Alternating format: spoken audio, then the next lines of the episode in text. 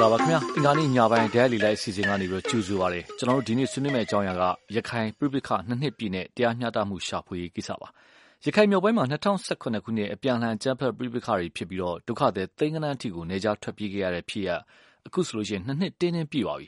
ထွက်ပြေးသွားတဲ့ရိုဟင်ဂျာဒုက္ခသည်တွေနေရပြန်ရေးကိစ္စကလည်းမအောင်မမြင်ရှိနေသေးပါဒီဖြစ်အတွင်းလုံခြုံရေးတပ်တွေရဲ့လူခွင့်ကျူးလွန်ဖောက်ဖျက်မှုတွေကိုစုံစမ်းအရေးယူဖို့ဆိုပြီးတော့တောင်းဆိုချက်တွေကလည်းရှိနေတော့မှာ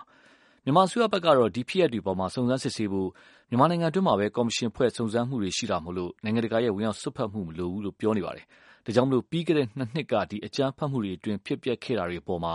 တရားစီရင်ရေး ဘယ်လောက်ခီးပေါက်ခဲ့ပြီလဲဆိုတာကိုတော့ ကျွန်တော်ဒီဒီနေ့ အင်္ဂါနေ့ညပိုင်းဒဲလီလိုက်အစီအစဉ်မှာ ဆွေးနွေးမှာဖြစ်ပါတယ်။အဓိက ပါဝင်ဆွေးနွေးပေးမယ့် ပုဂ္ဂိုလ်နှစ်ဦးရှိပါတယ်။ပထမတူကတော့ မြန်မာနိုင်ငံရေးသူတည်တည်တူဖြစ်တဲ့ ဒေါက်တာခင်ဇော်ဝင်းပါ။နောက်တူကတော့ လူငယ်နဲ့ လူမှုသဟဇာတဖြစ်ရေးအဖွဲ့က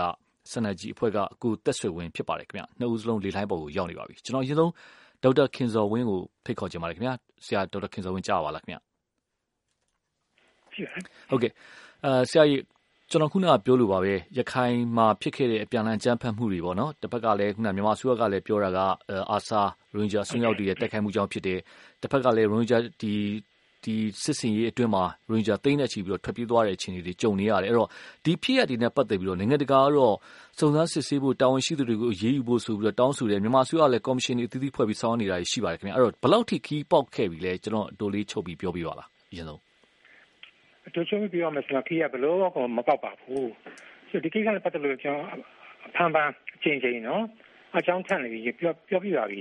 ဒီလိုဆက်သွားနေလို့မရဘူးတိုင်းပြည်ကလည်းတော်တော်လေးကိုအဆက်ရနေပြီပေါ့ဗျာဟုတ်တယ်မလားအဲ့တော့အကောင်းဆုံးနည်းလမ်းကတော့လွယ်လွယ်လေးပါကုလသမဂ္ဂနဲ့ပို့ပြီးတော့ပူးပေါင်းပါနော်ဟိုဘင်္ဂလားဒေ့ရှ်ပူးပေါင်းကြလည်းမလိုဘူးဟုတ်လားဟိုနိုင်ငံဒီနိုင်ငံလည်းမလိုဘူးဒါပေမဲ့သူတို့ကဒီပြည်ဆိုင်ရာအချက်လက်ရှာဖွေဖွဲ့လို့ကုလသမဂ္ဂ agency လို့ဆိုလို့ရှိရင်တော့ခါခါတီးပြီးညင်းနေတာအဲ့ဒါကမှားနေတယ်နော်ဟိုအရင်ဆုံးစပြီးတော့ဒီစကြောင်းကောက်မယ်ငန်းစာဖော်မယ်ဆိုရင်တော့ ဒီလိုပဲသွားလိမ့်မယ်ပြီးတော့တစ်ဆင့်တစ်ဆင့်သွားပေါ့ဗျာအခုကဘယ်လိုဖြစ်နေလဲဆိုတဲ့အခါကျတော့ဒီအကြောင်းဆိုလို့ရှိရင်မကြားချင်ဘူးမပြောနဲ့ဟိုလက်ကြီးလို့ဖြစ်နေပြီနော်ဟိုဒီအကြောင်းကြားပြောပြီဆိုလို့ရှိရင်ခေါင်းရောလက်ကောခြေရောလက်ခွန်နဲ့ဝင်သွားပြီဆိုတော့အဲ့ဒီကနေဘလို့မှခင်းမပေါက်ဘူးအဲ့တော့ဝင်းနေစာပဲဒီပဲပြောရမှာဟုတ်ကဲ့ခင်ဗျခုနက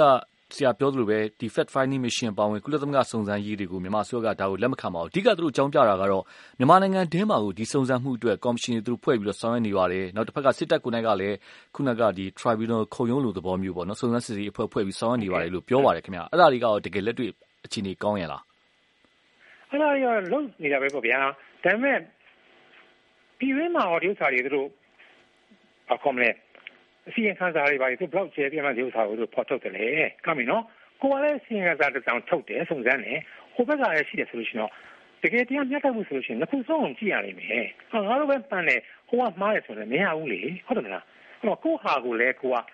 ပြောမယ်ဆိုရင်တော့အများသိအောင်တော့ကိုကချပြမှာပဲအဲ့တော့ကိုဟာကဘလောက်ထိလေးနဲ့တည်းမှန်ကန်တယ်လဲဆိုတော့လည်းကိုကဟိုပြောမယ်ဆိုရင်တော့မှတ်တော့တင်ခံရလိမ့်မယ် တင်ရနိုင်တယ်လေဆိုတော့ဒါတွေလုပ်နိုင်မလားနော်ပြောနေုံနဲ့ဒီဥစ္စာမရတော့ဘူးလေဟုတ်ကဲ့ဒီနေရာမှာလဲကျွန်တော်တစ်ချက်ထပ်မေးချင်တာကအခုလိုမျိုးပြည်တွင်းမှာကော်မရှင်မြန်မာအစိုးရကတော့ပြောပါတယ်သူတို့ကော်မရှင်တွေဖွဲ့တာကိုအဖြေထွက်ပြီးစောင့်စမ်းပြီးမှနိုင်ငံတကာလုပ်ပါဆိုတဲ့သဘောမျိုးပေါ့နော်အဓိကသူတို့ကော်မရှင်ကဘာမှအဖြေမထွက်သေးဘူးအဲ့တော့မြန်မာအစိုးရဖြစ်စီမြန်မာစစ်တပ်ကဖြစ်စီဒီကိစ္စနဲ့ပတ်သက်ပြီးတော့တကယ်စုံစမ်းတာစုံစမ်းဖော်ထုတ်ဖို့တာဝန်ရှိသူတွေကိုစုံစမ်းဖော်ထုတ်ရေးယူဖို့ဆိုတဲ့စိတ်ဆန္ဒရောတကယ်ရောရှိလားဆရာဒေါက်တာခင်စောဝင်းအမြင်သိချင်ပါတယ်အဲအဲ့ဒါလည်းပြောမှဆိုရင် ယူသားဆုံးဖွင့်လင်းဆုံးပြောရမယ်ဆိုရင်တော့မရှိပါဘူးခင်ဗျနော်အချိန်ဆွဲနေတာပဲဒီဒီကိစ္စတွေမပြောလို့လည်းမရတော့ဘူးကျွန်တော်ခဏနဲ့ရောက်တော့လို့ရှိရင်နိုင်ငံတော်မှာဒီကိစ္စတွေမေးခံတယ်ကျွန်တော်အရှက်ရတယ်ကျွန်တော်ကတော့ဟာမဆောင်နိုင်မှုအရှိရှိတိုင်းပြောတာပဲနော်ဆိုတော့ဒီလိုပဲနည်းနည်းရှိပြီလေဟုတ်လားအချိန်လေးဆွဲပြီးတော့ ဟိုလူထဲလိုက်ဒီလူထဲလိုက်နဲ့တချို့လူတွေဆိုလို့ရှိရင်စိတ်ချပြီးတော့ပြန်သွားကြပြီကြီးတမ်းမအောင်ခဲ့အားဆိုလို့ရှိရင်ဟောဒါဒီဇလန်ကြီးရောပြောမယ်ဆိုလို့ရှိရင်ဒီလိုပဲပုံစံမျိုးကြီးခင်းနေဦးမှာလားမဖြစ်ဘူးနော်ဟုတ်ကဲ့ဒီနေရာမှာဒီခက်ကဟုတ်ကဲ့ဒီနေရာမှာလည်းမြန်မာခင်းနေတော့ဟုတ်ကဲ့ပြောမြန်မာဆိုရဘက်ကအမြဲပြောနေတာကဥမာဆို fact finding mission တို့ဘာလို့ဆိုရှင်သူတို့ထွက်လာတဲ့ report တွေသူတို့ရဲ့ပြောဆိုချက်တွေကတစ်ဖက်သက်ဆန်လွန်းနေအဲရိုဟင်ဂျာဒုက္ခသည်တွေရဲ့ ဒဲကိုပဲတွားပြီးတော့ သူတို့ဘက်ကပြောတာတွေကိုပဲ နားထောင်နေတစ်ဖက်ကအာဆာဘက်က လွန်လာကျူးတာကို မပြောဘူး ဒါမျိုးတွေ ပြောတာဆိုတာရှိကြတယ် အဲ့တော့အဲ့ဒါနဲ့ ပတ်သက်လို့ရောဒီဘက်က ဆန်နေဆွဲကကြတော့ မြန်မာပြည်ထဲမှာ ဝင်ဝင်မပေးပဲဘယ်နဲ့လုပ်မလဲ ဟုတ်တယ်မလားအချင်းချင်းဟိုကဟိုလာဖို့သူတို့ ခွင့်တောင်းတယ်လေအဲ့ဒါကိုသူကဗီဇာကို မပေးတာ ဝင်ဝင်မပေးတာ မပေးတဲ့အခါကျတော့ ဒုက္ခတွေရှိရစီတော့တွားတာပေါ့ ဟုတ်တယ်မလားဟာဒီဥစ္စာကလည်းသဘာဝမကြဘူးဗျာနော်ဟိုတခြား နိုင်ငံတစ်ခုကအဖွဲ့အစည်းကလာပြီးဖြစ်တယ်ဆိုထားလိုက်ပါတော့အခုကကုသမဂ္ဂကနေပြီးတော့ဖွဲ့ထားတဲ့နော်သူက independent fact finding mission နော်ဒီစားလွတ်လပ်တဲ့ mission ဒါကမှကိုယ်ကလက်မခံဘူးဆိုရင်တော့နည်းနည်းလေးကိုယ်ကတော့ဒါကမှကြောင်လို့လောက်ရလိမ့်မယ်ဒီစားကဟုတ်တယ်မလားဟုတ်ကဲ့ခင်ဗျအာဒေါက်တာခင်စောဝင်းလီလိုင်းပေါ်မှာခဏနေပြပါအောင်ခင်ဗျကျွန်တော်ပင်နာဆွေးနွေးသူနောက်တူကိုသက်ဆွေဝင်းကိုကိုသက်ဆွေဝင်းဖိတ်ခေါ်ကြပါလေကိုသက်ဆွေဝင်းကြားပါလားခင်ဗျာ ဟုတ်ကဲ့ ကိုသက်ဆွေဝင်း ခုနက ဒေါက်တာခင်စောဝင်းကို မေးတဲ့မေးခွန်းပဲကျွန်တော်ပြန်ကောက်မေးချင်ပါတယ် ခုနကပြောလို့ဒီနှစ်နှစ်ပြည့်ပြီး ဒီမှာဖြစ်ခဲ့တဲ့ဖြစ်ပျက်တွေနဲ့ ပတ်သက်ပြီးတော့စုံစမ်းဖော်ထုတ်ရေးဘူးလို့ဆိုတာ ဘယ်လောက်ထိခီးရောက်ပြီလို့ ကိုသက်ဆွေဝင်းရောမြင်ပါလဲ ဘာမှ အလုံးမဖြစ်ဘူးလို့ပဲ ကျွန်တော်အနေနဲ့ မြင်ပါတယ် ဒါဒီနိုင်ငံတကာကနေပြီးတော့ဒီပြောတဲ့အချက်တွေကိုဟိုအခုပြောရတဲ့ကိုဖီအာနန်ကော်မရှင်ကပို့ရအောင်ဆိုပေါ်ဘယ်နဲ့ချက်ပြီးတော့ဘယ်နဲ့ဟုတ်ပြီးတော့ဆိုတော့ပြောရရရှိတယ် ဒါပေမဲ့တကယ်မြေပြင်မှာကြည့်ပါ တကယ်တော့လုံးမဟုတ်ပါဘူးအဲ ကျွန်တော်ဒီပြန်လာဖို့အတွက်ပဲကြည့်ကြည့်ဒီတရားဥပဒေစိုးမိုးရေးအတွက်ပဲကြည့်တကယ်လို့ကဘာမှမရှိဘူးဥပမာကျွန်တော်ထွက်ပြေးတော့တဲ့လူတွေကတကယ်ကြီးပါတော့ရှိတယ်ဒီမှာပြန်လာတဲ့လူတွေနေဖို့အတွက်ဆိုပြီးတော့စောက်ထားတယ်ဆိုတဲ့အိမ်ကြီးကျွန်တော်မြင်ရလူ9000တောင်းတော့မဆက်နိုင်ဘူးဆိုတာမျိုးရှိတယ်ပေါ့နော်ဒီအခါကျတော့ပြန်ထားတဲ့ပုံစံကလည်းဒီတို့ကကန့်ပုံစံမျိုးနဲ့ပြန်ထားရမျိုးဖြစ်တယ်မူလနေရာမှာပြန်နေရမယ်ဆိုတဲ့ပုံစံမျိုး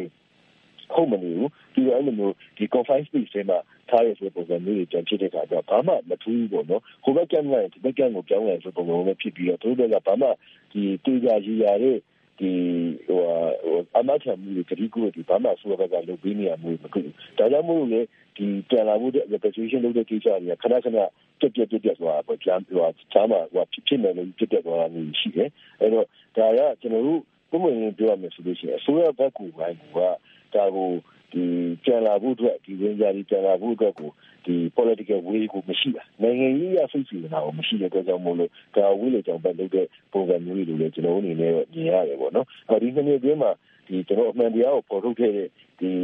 writer journalist မျိုးဆိုလို့ရှိရင်ထောင်ချဆန်ရတာမျိုးဖြစ်ခဲ့ပြီးတယ်အဲ့လိုပဲဒီ ranger ဆိုတဲ့စကားလုံးကကျွန်တော်ပြည်တွင်းမှာလည်းအခုဒီတုံးလို့မရနိုင်သေးဘူးဒီ ranger ကြောင့်ပြောလို့ဆိုလို့ရှိရင်လည်းဒါတကယ်ကိုပြောပါမယ်ဒီကျွန်တော်တို့ဟိုငရေကြီးရတော့တဲ့ကိစ္စမျိုးတစ်ခုလိုမျိုးတွေလူတွေကမုန်းတီးရင်ရှာပြီးတော့အဲ့လိုဖြစ်တာမျိုးလည်းခံနေရတော့မယ်အဲ့တော့ ဒီရင်းကြရီပြန်လာဖို့အတွက်ကိုပြီးတော့ဒီရင်းကြရီပေါ်မှာကြီးဝင်တဲ့ပြစ်မှုတွေပေါ်အတွက်ကိုတာဝန်ယူတာဝန်ဆောင်ပါတခုမှကျွန်တော်ဒီနေ့ကျွန်းမှာကောင်းကောင်းကမတွေ့ရဘူးအဲ့ဒီစားဒီတနာရယ်ပေါ့ဒီကိစ္စတွေကိုအများနဲ့ကျွန်တော်တို့ဟိုဆန့်ကျင်ပြီးတော့တဲမှန်နေတဲ့ကိစ္စတွေဝင်ကြရငါတို့စီရလူမဟုတ်ဒီလူရခိုးဝင်နေကျူးကျော်ရတယ်ဒီလိုဟာတွေကိုပဲ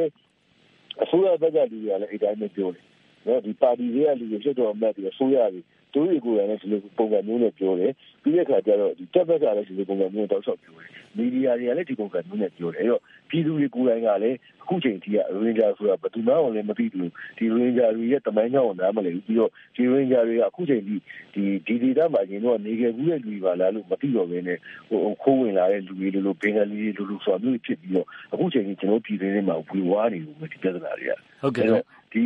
တကယ်လည်းအစိုးရရှင်းမယ်ဆိုလို့ရှိရင်ကရေဂျာတွေကိုပြန်ခေါ်လာပြီးတော့ဒီမှာထားအောင်တခုပဲလုံးလို့မရအောင်ကျွန်တော်တို့ကဒီလူတွေအတွက်ကိုဒီလူတွေရဲ့တမိုင်းကြောင်းတွေနားလည်မှုဒီလူတွေရဲ့ဒီရှင်းချင်းမှုတွေကိုသူတို့ကိုငကိုတိုင်းပြန်ရဖို့အတွက်ပြည်သူတွေဒီတခြားသောပြည်သူတွေသိဖို့အတွက်ဒါမျိုးဟာတွေအစအများကြီး socially ပိုင်းမှာကျွန်တော်တို့ကဒီပြန်ပြီးတော့ပေါင်းဆက်ဖို့အတွက်ပေါ့လေလူမျိုးရေးအပေါင်းဆက်ဖို့အတွက်တွေကလုပ်ပြရမယ့်အများကြီးရှိတယ်အဲတော့ရေဂျာကိစ္စက ရိုဟင်ဂျာနဲ့ရခိုင်နဲ့နှစ်ခုလည်းကြားရတဲ့ကိစ္စမဟုတ်တော့ရိုဟင်ဂျာနဲ့မြန်မာတိုင်းနိုင်ငံလုံးကလူတွေနဲ့ကိစ္စဖြစ်သွားပြီတခြားသောတိုင်းသားတွေအကုန်လုံးကပါဒီရိုဟင်ဂျာအကြောင်းကိုနားလည်အောင်ပြောပြဖို့တော့လူအပြီးရိုးလာပြီဒါပေမဲ့ဒီနှစ်နှစ်တွင်းမှာဘာမှဖြစ်ထုံးတိုးတက်မှုတခုပြကျွန်တော်တို့မတွေ့ရသေးပါဘူးဟုတ်ကဲ့ကျွန်တော်ဒီနေရာမှာဖြတ်ပြီးပြောချင်တာခုနကကုသက်ဆွေရင်ပြောတော်လိုပါတယ်ဒီရိုဟင်ဂျာဆိုတဲ့အသုံးနှုန်းမှာရိုဟင်ဂျာဆိုတဲ့အသုံးနှုန်းကနိုင်ငံတကာမီဒီယာတွေမှာရောလူခွင့်ဖွဲ့စည်းကတော့ဒီရိုဟင်ဂျာဆိုပြီးတော့သုံးတယ်ရိုဟင်ဂျာလို့ပဲသိထားကြတယ် ဒါပေမဲ့ မြန်မာအစိုးရကတော့ဒီရိုဟင်ဂျာဆိုတဲ့ အသုံးနှုန်းကိုတော့ လက်မခံပါဘူး မြန်မာအစိုးရကမြန်မာစစ်တပ်ကမြန်မာအစိုးရကတော့ဒီရခိုင်ဒေသက မွတ်စလင်ဆိုပြီးတော့ခေါ်သုံးနှုန်းတာ တွေ့ရပါတယ်ခင်ဗျအဲ့တော့ဒီနေရာမှာ ဒီဒုက္ခသည်တွေကိစ္စနဲ့ ပတ်သက်လို့ ဒီအဖြစ်ပြက်နဲ့ ပတ်သက်လို့ နှစ်နှစ်ပြည့်ပြီ အဲ့တော့ မြန်မာအစိုးရကတော့ပြန်လဲဒီဒုက္ခသည်တွေ ပြန်လဲခေါ်ယူဖို့ဆိုပြီးတော့သူတို့အစီအစဉ်ဆွဲပြီး ဆောင်နေတာ ရှိပါတယ်ပြောပါတယ် နောက် နိုင်ငံတကာကတော့ ဖိအားပေး ပြောနေတာက တရားမျှတမှု justice ပေါ့နော် ဒီတရားမျှတမှု ရှာဖွေရေးဆိုတာကိစ္စကို ပြောနေတယ် အဲ့တော့ ဘယ်ကိစ္စ ဒီတရားမျှတမှု ရှာဖွေရေးနဲ့ဒီဒုက္ခတွေတွေ ပုံမှန်အတိုင်း နေရပြန်ရေးကိစ္စ ဘယ်ဟာ ပိုရေးကြည့်မယ်လို့ ထင်ပါလဲ ကိုသက်ဆွေဝင်အမြင်သိကြပါမယ် ကျွန်တော်နှစ်ခုစလုံး အရေးကြီးပါတယ် ဒါပေမဲ့ တရားမျှတမှု မရှိဘဲနဲ့ သူတို့တို့ကိုဒီဒီအခွင့်အရေးရဲ့အခုဒီတာဝန်ခံမှု တာဝန်မှု မရှိဘဲနဲ့တော့ ပြန်လာလို့ မရပါဘူး ကျွန်တော်တို့ကျွန်တော် ခုနပြောခဲ့သလိုပဲ သူတို့ကို ခေါ်လိုက်တယ် ခေါ်ပြီးတော့ဒီဘက်မှာကန့်မြဲမှာကျန်ထားတယ်ဆိုတာမျိုးဆိုလို့ရှိရင်တော့ဘာမှပို့ပြီးတော့ပို့ဆိုးတဲ့ဘဝတစ်ခုတော့မပြောင်းလာအောင်ပါဘူး။ဟိုဘက်ထဲမှာဆိုရင်ဘာပြောနိုင်ငံတိုင်းလို့လက်ရှိလို့ရတယ်။တို့ရဲ့ဟိုတဆိုးတွေအထောက်ပံ့နေရှိနေသေးတယ်။ပြီးတော့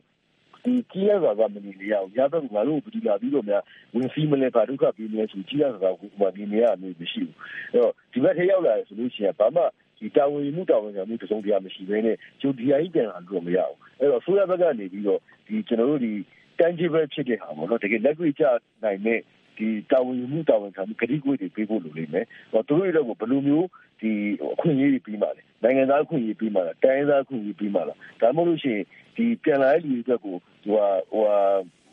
နေဖို့စားဖို့ပညာရေးပြီးတော့လို့ရှိရင်ဒီငကူမူလာနေခဲ့နေရမှာပြန်နေခွင့်ပြီးမှလားဒီလိုဟာတွေအကုန်လုံးကိုဒီဖူရဘက်ကနေပြီးတော့ဂတိကွေးပြီးနိုင်တဲ့ခါကျမှသာလိမ့်မယ်ဒီလူအနေနဲ့ပြန်လာဖို့ဆိုတာတင့်တော်လိမ့်မယ်လို့ကျွန်တော်အနေနဲ့ယူဆတယ်အဲလိုမှမဟုတ်ဘူးဆိုလို့ရှိရင်တော့ဒါ for show လုပ်တဲ့ဟာမျိုး showcase လုပ်တဲ့ဟာမျိုးတစ်ခုပဲဖြစ်ပါလိမ့်မယ်နောက်တစ်ခုကကြတော့ဒီဟိုတရားမျှတမှုရှာဖွေဒါနှစ်ခုလုံးကဒီတိုင်းနဲ့သွားရမယ်ကိစ္စပါကျွန်တော်တရားမျှတမှုရှာဖွေတွေဆိုတဲ့ကိစ္စပါလေဒီ ကျူးလွန်နေတဲ့ကိစ္စနိုင်ငံတကာအခုပြဿနာနိုင်ငံတကာပြောနေတဲ့အချက်လက်တွေကကျွန်တော်ပြည်တွင်းကလူတွေကနေပြီးတော့အများတန်းဟိုဆန့်ကျင်နေတဲ့ကိစ္စတွေအဲ့တော့ ကျွန်တော်တို့ဟိုပြင်ဘက်ကပြောတဲ့စကားနဲ့ပြည်တွင်းကနေပြန်ပြောတဲ့စကားနှစ်ခုက response တွေကကျွန်တော်တို့ကကြီးမကိုက်နေဘူးခုချိန်ကြီးကနိုင်ငံတကာကနေတော့ပြောနေတဲ့ crime against humanity ပြောတဲ့ genocide ပြောတဲ့ war crime ပြောတဲ့ဒါပြည်တွင်းမှာဒါတကုံလို့တခုမှမဟုတ်ပါဘူးဆိုပြီးငင်းနေရမျိုးရှိတယ်အဲ့တော့ဒီဟာတွေကိုကျွန်တော်ငင်းနေလို့လည်းမရဘူးဆရာခင်ဗျားခုနပြောသွားသလိုပဲကျွန်တော်တို့ပူပေါင်းဆောင်ရွက်မှရမယ်ကိုယ်ဘက်ကနေမှန်ကန်နေဆိုလို့ရှိရင်မှန်ကန်ရောက်သက်သေပြဖို့လိုလိမ့်မယ်မှားတယ်ဆိုရင်ကျွန်တော်ဝင်ခရဲဖို့လိုလိမ့်မယ်ဒါမှသာလည်းနိုင်ငံတကာရဲ့လေးစားတဲ့ကျွန်တော်တို့ဒီဟိုပြန်လေ ဒီလိုရာဒီပြန်လာမှုအတွက်ကိုလေးစားလောက်တဲ့ကျွန်တော်တို့ဒီအစီအစဉ်တစ်ခုအကောင့်တွေပေါ်နိုင်လိမ့်မယ်။အဲလိုမှမဟုတ်ဘူးဆိုလို့ရှိရင်ပြဿနာတွေကဟိုအတိုင်းပြည်ဒီထက်ပိုပြီးပြင်လာလိမ့်မယ်။တိုင်းပြည်ကိုပြီးရှက်ကွဲလိမ့်မယ်။ဟိုဒီဟာဒီဝေးကြကိစ္စကိုစန့်ကျင်နေခြင်းကကျွန်တော်တိုင်းပြည်မျက်နှာရဖို့လည်းကြိုတင်နေတာမဟုတ်တော့ဘူး။ဒါတော့ဒီတိုင်းပြည်ကောင်းဆောင်နေတဲ့ဆိုလူတွေနည်းနည်းမှတ်ထားဖို့လိုလိမ့်မယ်။ဝေးကြကိစ္စဟာတိုင်းပြည်အတွက်ကိုကြောက်ထဲချနိုင်တဲ့ကိစ္စဒီကိစ္စကိုကျွန်တော်တို့ကဒီနိုင်ငံတကာနဲ့မပူးပေါင်းမဆောင်တဲ့ဘဲနဲ့ကျွန်တော်ဖြေရှင်းလို့မရဘူးစန့်ကျင်နေလို့မရဘူး ဒါကိုကျွန်တော်မဖြစ်မနေလက်ခံပြီးတော့ပူးပေါင်းဆောင်ရမှာပဲကျွန်တော်တို့ဒီကိစ္စအဖြေတစ်ခုကောင်းအောင်ရှာနိုင်မယ်လို့ကျွန်တော်အနေနဲ့ယုံကြည်တယ်ဟုတ်ကဲ့ကျွန်တော်သရရှင်တွေလှည့်ပေးချင်ပါတယ်ဒေါက်တာခင်စောဝင်းကိုသက်ဆွေဝင်လီလိုင်းပေါ်မှာခဏနေပေးပါအောင်ခင်ဗျာကျွန်တော်အရင်ဆုံးကိုရာမူဖိတ်ခေါ်ချင်ပါတယ်ကိုရာမူတူတုတ်တုတ်ဆွေးနွေးမေးမြန်းလို့ရပါတယ်ဟုတ်ကဲ့ပါခင်ဗျာဟုတ်ကဲ့ကိုရာမူပြောပါခင်ဗျာရပါတယ်အာဟုတ်ကဲ့ပါအခုပထမကျွန်တော်ဆရာခင်စောဝင်းပြောရဟာကိုဒီနေ့ကျွန်တော်ဆွေးနွေးနေတယ်ပေါ့ဗျာနော် ဟိုပြီးရင်တကယ်လို့အခြေရသေးရဆိုရင်ကျွန်တော်ဆရာသက်စဝင်ပြောရဟာကိုလည်းကျွန်တော်နည်းနည်းဆွေးနွေးဟုတ်ကဲ့တူတူတူလေးတူတူတူလေးလုပ်ပေးပါနော်ကိုရာမဟုတ်ကဲ့ဟုတ်ကဲ့ဟုတ်အဲ့တော့အခုနိုင်ငံတကာဖိအားကများနေရဆိုတာလူတိုင်းလည်းသိရဲ့နော်အဲ့ဒီနိုင်ငံတကာဖိအားဒီမဟုတ်ဘူးမြန်မာနိုင်ငံရဲ့ image လေးတော့လည်းကြားနေပြီဆိုတာလည်းလူတိုင်းလည်းသိရဲ့တို့တော့ဒီဖိအားကြောင့်ဒီဖိအားကြောင့်ဘာဖြစ်လာမလဲဆိုလို့ရှိရင်တိုင်းပြည်ကဘေးကျနိုင်ချက်ဖြစ်လာပြီးတော့အဓိကတော့အဓိကတော့ဒီဖြစ်မှကိုခံရမှာကစစ်တပ်ပါပဲ နော်အခုတက်ကဆိုလို့ရှိရင်စစ်တပ်ကအာစစ်တပ်အပြင်စစ်တပ်နဲ့ဟိုနှိစက်တဲ့ကရိုနီတွေလည်းအခုပတ်သက်လာပြီနော်သူတို့လည်းတိကိုက်နေတာတော့လာတော့မယ်အဲ့တော့ဒီဟာရီယာဖြစ်လာပြီဆိုလို့ရှိရင်အမှန်ဒီဒီစစ်တပ်နဲ့ကိုရိုနီကတိုင်းပြည်တွဲလဲသူတို့အများကြီးအကျိုးဆောင်တွေလုပ်ပေးနိုင်တဲ့ဟာတွေရှိရပေါ့နော်အဲ့တော့သူတို့တိကိုက်လာပြီဆိုလို့ရှိရင်တိုင်းပြည်လည်းတိကိုက်လာတယ်လို့ပဲကျွန်တော်အဲ့လိုပဲကျွန်တော်တို့မြင်တယ်ပေါ့ဗျာနော် အဲ့တော့ရခိုင်ပြည်နယ်မှာအခုဒီလိုဖျားမျိုးတွေမရှိအောင်ဒီလူတွေအားလုံးပြန်ရောက်လာအောင်ပေါ့နော်မြန်မာအစိုးရအနေနဲ့အတီးကြပေါ့နော်အမှန်တကယ်စေတနာအမှန်နဲ့သူတို့တကယ်လုပ်မယ်ဆိုလို့ရှိရင်သူတို့ကနိုင်ငံတကာကိုရိုဟင်ဂျာတွေရဲ့တောင်းဆိုချက်၅ချက်ကိုအရင်ဆုံးသူတို့မစည်းစားခင်ပေါ့နော်ဒီနိုင်ငံတကာရဲ့လူလက်ချက်လူလက်ချက်၅ချက်ကိုအရင်ဆုံးသူတို့ကဒီတီးထားဖို့လူရဲလို့ကျွန်တော်လည်းပဲနေနေလားဟုတ်ကဲ့ကိုရမှုကျေးဇူးပါဟုတ်ကဲ့ကျွန်တော်နောက်ထပ်သရရှိတူဖိတ်ခေါ်ချင်ပါတယ်ကိုငင်းချမ်းဆွေးနွေးမြင်းမြန်းလို့ရပါတယ်ခင်ဗျာ ကိုသားရေအရင်ဆုံးတော့ဒေါက်တာခင်စောဝင်းရောကိုသက်ဆွေဝင်းရောကိုသားတို့ရောကျေးဇူးတင်တယ်ပြောပြရစေကျွန်တော်တို့ဗမာပြည်မှာဖြစ်နေတဲ့ပြဿနာကလူမျိုးရေးဘာသာရေးခွဲခြားတဲ့ကိစ္စမှာစစ်တပ်ကနေပြီးတော့အမှုဟောင်းလုပ်လိုက်အဲ့ဒီအမှုအဟောင်းအမှုတစ်လုပ်ပြီးတော့ကျူးလွန်လိုက်ဒီလိုမျိုးနဲ့ပြဿနာတွေကိုဖြေရှင်းနေတာဒီအစိုးရရောစစ်အာဏာရှင်ရောအကုန်လုံးကသိပါတယ်ဘယ်သူမှခွင့်လွတ်လို့မရတဲ့ကိစ္စကိုသူတို့ကျူးလွန်ထားပြီဆိုတာသူတို့သိတယ် အခုပြဿနာတက်နေတဲ့ကိစ္စကရိုဟင်ဂျာအရေးတောင်မှဒီလောက်မဟုတ်တော့ဘူးဒီအခုတော့ဆန်းစုကြည်ကနေပြီးတော့စစ်စီရေးတွေလုပ်ထားတယ်တော့ဒီနိုင်ငံခြားရေးဝန်ကြီးကနေပြီးတော့မပြောဘူးအခုရခိုင်တိုင်းရင်းသားတွေကိုကတတ်ဖြတ်လာတဲ့ကိစ္စတွေမှာရှိတယ်အဲ့တော့ဒီရိုဟင်ဂျာအရေးတစ်ခုတည်းကိုကျွန်တော်တို့ဗမာပြည်ကနေပြောနေလို့မရဘူးခင်ဗျာ။ဟိုမှာရှမ်းတိုင်းရင်းသားတွေကိုမရိကျင့်တဲ့အမှုကရင်တိုင်းရင်းသားတွေကိုဘိုးကလေးမှာပတ်ဖြတ်လူမျိုးတုံးပတ်ဖြတ်တဲ့အမှုဒီဟာတွေကတရားမျှတမှုမပေါ်ဘဲနဲ့ ကျွန်တော်တို့ရိုဟင်ဂျာလည်းခေါ်လို့မရဘူးဘယ်တိုင်းရင်းသားမှလည်းဗမာတွေကိုမယုံတဲ့ပြင်မှာဒီဗမာတိုင်းရင်းသားတွေကိုအကုန်လုံးကမုံပြီးနေတဲ့ဆိုတော့ဟိုအယုံကြည်မရှိတာပေါ့မုံပြီးတယ်လို့ကျွန်တော်သုံးတာ sorry ပါအယုံကြည်မရှိတော့တဲ့အခြေအနေကနိုင်ငံတကာမှာတွေ့နေတယ်အဲ့တော့ဒေါက်တာခင်စောဝင်းတို့လိုကိုသားချေဝင်းတို့လိုကိုသားအညွန့်ဦးတို့လိုလူတွေကသိပြီးတော့ကဲတင်ကြနေနဲ့ဒီစစ်တပ်ကဒီအစိုးရရဲ့ဒီလိုမျိုးပေါ့နော်ဟို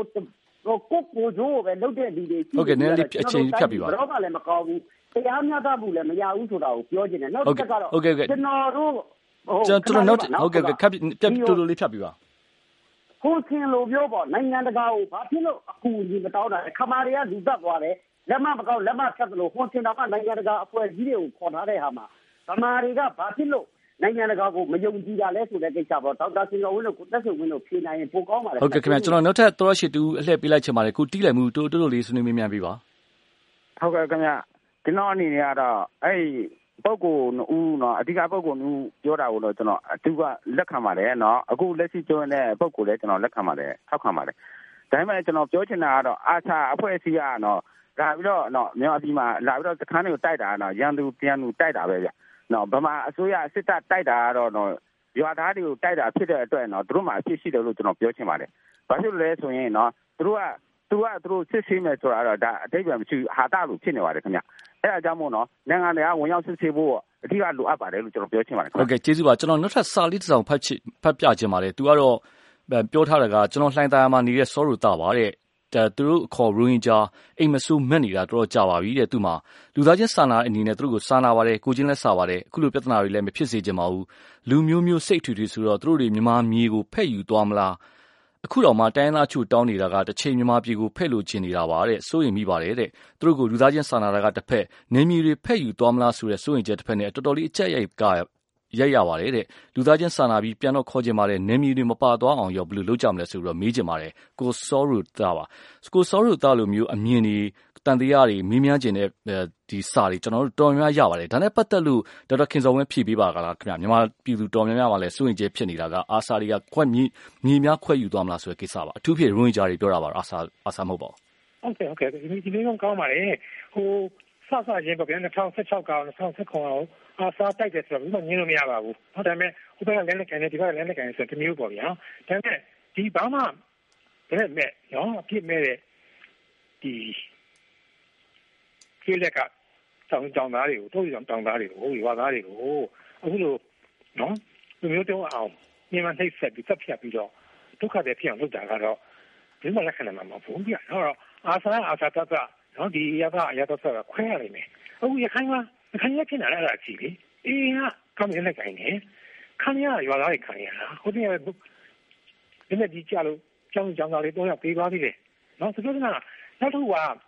နည်းနည်းဖက်သွားမယ်ဆိုတဲ့ဟာကလည်းလူကြီးအလကားဖြစ်ပေမဲ့ဟိုစွန့်တကယ်ရှိတာကိုတချို့လူတွေဒီဆောက်ဆက်ပြီးတော့ညပ်ပြင်ပြီးပြောနေကြတယ်။ကိုယ်များကိုယ်မလားပေါ့ဗျာ။ကျွန်တော်အနေနဲ့ကတော့ဖြစ်နိုင်ရအင်မတန်နည်းပါတယ်ဒီဥစားကနော်။ဒီကတော့ခွဲသွားမယ်ဆိုလို့ရှိရင်အဲခွဲသွားမဲ့ဒေသနဲ့ အဲ့မှာနေတဲ့လူတွေကအရင်တော့ခါရောက်ကြမယ်။နော်။ဒါမှမဟုတ်တခြားနိုင်ငံဝင်တော့မျိုးမျိုးသွားမယ်။ဟုတ်ဒါမျိုးလည်းမဖြစ်အောင်ဆိုပြီးတော့ကိုယ့်ဘက်ကလည်းဒီကကောင်တာပေါ့ဗျာ။အမှန်တိုင်းကိုလို့ဆိုတာပြောနိုင်ရမယ်။အခုနေပြည်တော်မှာဘုရားဒါကြီးပြောမနေဘူးဒီစားနော်။နောက်ဆုံးချက်ပြောချင်တာကတော့ဗျာခုနကိုသက်ဆိုရင်လည်းဆိုလို့ရှိရင် new generation မှာခုလည်းအများကြီးအားကိုးရမှာပါခေါင်းဆောင်မှုပဲခေါင်းဆောင်မှုပဲကိုဒီတူကမှားနေတဲ့တိုင်အောင်ကိုကလက်မှတ်မတင်ပေးရမယ်အခုနေပြည်တော်မှာနေတဲ့လူကြီးအဲ့ဒါလုတ်သလား အခုပြောနေတဲ့စကားတွေအကုန်ကောင်းကြပါတယ်ဖြစ်အောင်ဆိုလို့ရှိရင်တော့ခေါင်းဆောင်ကအမလေးအရင်ကခေါင်းဆောင်ဖြစ်ချင်နေတာခေါင်းဆောင်ဖြစ်လာတဲ့ခါကျတော့သုတ်ဖိတ်သွားရောဇက်ပိတ်သွားရောခုနပြောလို့ပါပဲနော်ဒီကလည်းမှားနေရဆိုလို့ရှိရင်ခုနိုင်ငံနဲ့ခုလူထုနဲ့ဟိုလက်ဆောင်ကိုတင်ပြရတဲ့တာဝန်ရှိတယ်အဲ့ဒါမှခေါင်းဆောင်အစေးကညှို့ဆိုရှင်တော့မင်းရဖို့ပဲကွာပြောမှချင်းညီလန်းရှာပြီးတော့ဒီသူထိုင်ကုန်ပြန်တော့မင်းအောင်လုပ်နေတာလည်းရှိတယ် ဟုတ်ကဲ့ခင်ဗျဒေါက်တာခင်စောကျေးဇူးပါကျွန်တော်ကိုတက်ဆွေကိုလည်းပြန်မေးချင်ပါတယ်ဒီမေးခွန်းနဲ့ပတ်သက်ပါမြန်မာပြည်သူတွေရဲ့စိုးရင်ချက်တန်တရားခုနကကြားလိုက်ရမှာပါနေမြေဖဲ့ယူသွားမလားရိုဟင်ဂျာလူမျိုးတွေအနေနဲ့တိကျရက်သွားမလားနိုင်ငံခွဲထောင်သွားမလားဒီစိုးရင်ချက်တွေရှိပါတယ်ဒါနဲ့ပတ်သက်လို့ဘယ်လိုများဖြေရှင်းကြပါလဲတူတူလေးဆွေးနွေးပြပါ10မိနစ်ကျော်လောက်ဒီကျွန်တော်တို့တွေဒီဒီဒီရင်းကြတခုရဲ့မဟုတ်ပါဘူးအခုလက်ရှိမှာဖြစ်နေတာကတော့ဒီ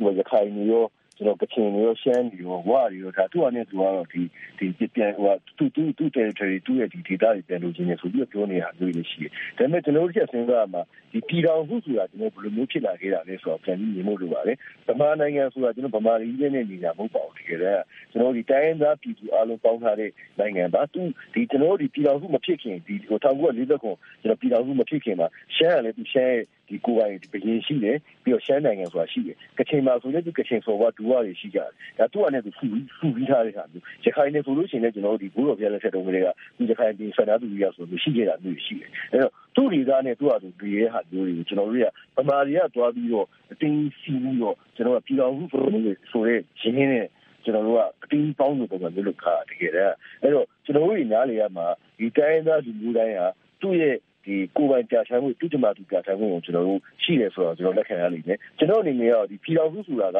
ဒီသဘောထားတိုက်ဆိုင်တဲ့အချိန်မှာကျွန်တော်ပေါင်းပြီးစုစည်းနေလို့ရတယ်ဒါပေမဲ့သဘောထားတွေမတူညီကြတဲ့အချိန်ကြလို့ရှိရင်တော့ကျွန်တော်ခွဲခွဲထွက်ပိုင်မှုဆိုတာမျိုးကျွန်တော်ရှိရမယ်လို့ကျွန်တော်ငယ်ချုံကြည့်တယ်အဲတော့ရိုဟင်ဂျာတခုရဲ့မဟုတ်ဘူးဒီရခိုင်လည်းပါတယ်ချင်းလည်းပါတယ်ကချင်လည်းပါတယ်ရှမ်းလည်းပါတယ်ကျွန်တော်တို့ဒီကိုယ့်ရဲ့ဒီဟိုငခုတွေကဒီမြန်မာနိုင်ငံပြည်တော်စုဆိုတာမျိုးမစခင်တုန်းကတည်းကရှိလာခဲ့တဲ့ဒီကိုတီကိုနန်းနဲ့နေခဲ့ကြတဲ့ ဒီလူတွေတိုင်းရင်းသားတွေဒီအားလုံးမှာကျွန်တော်ဒီဒီကိုယ်ကျမကိုပြတဲ့ပိုင်နေရှိမယ်လို့ကျွန်တော်အနေနဲ့ဒုံထားတဲ့အတွက်ကြောင့်မို့လို့ကျွန်တော်ကတော့ဒီဟိုခုနပြောစကားနဲ့ပြောရမယ်ဆိုလို့ရှိရင်ဟိုပေါင်းဖို့လိုရဲ့ချိန်ကျရင်ပေါင်းပါလိမ့်မယ်မလိုရဲ့ချိန်ကျလို့ရှိရင်ကွဲမယ်ဆိုလို့ရှိရင်ကျွန်တော်အနေနဲ့ကတော့ဒါကြီးကိုအတင်းဖူပြီးလို့ဆိုတော့ကျွန်တော်အနေနဲ့တော့မကြိုးစားဟုတ်ကဲ့ခင်ဗျကျွန်တော်တို့ကျွန်တော်ပုံကမြင်မှာဒါပဲဒီလိုအမြင်မတူအမျိုးရှိနိုင်ပါတယ်ကျွန်တော်တို့အချိန်လက်စစ်သွားလို့ပါရခိုင်ပြည်ပကနှစ်နှစ်ပြည့်နဲ့တရားမျှတမှုရှာဖွေရေးကျွန်တော်တို့ diet လေးလိုက်စီစဉ်ဒီမှာပဲရန်နာခွင့်ပေးပါခင်ဗျာကျွန်တော်တို့ ဒီဒီနေ့ကတော့ဒီလောက်ပါပါခင်ဗျာ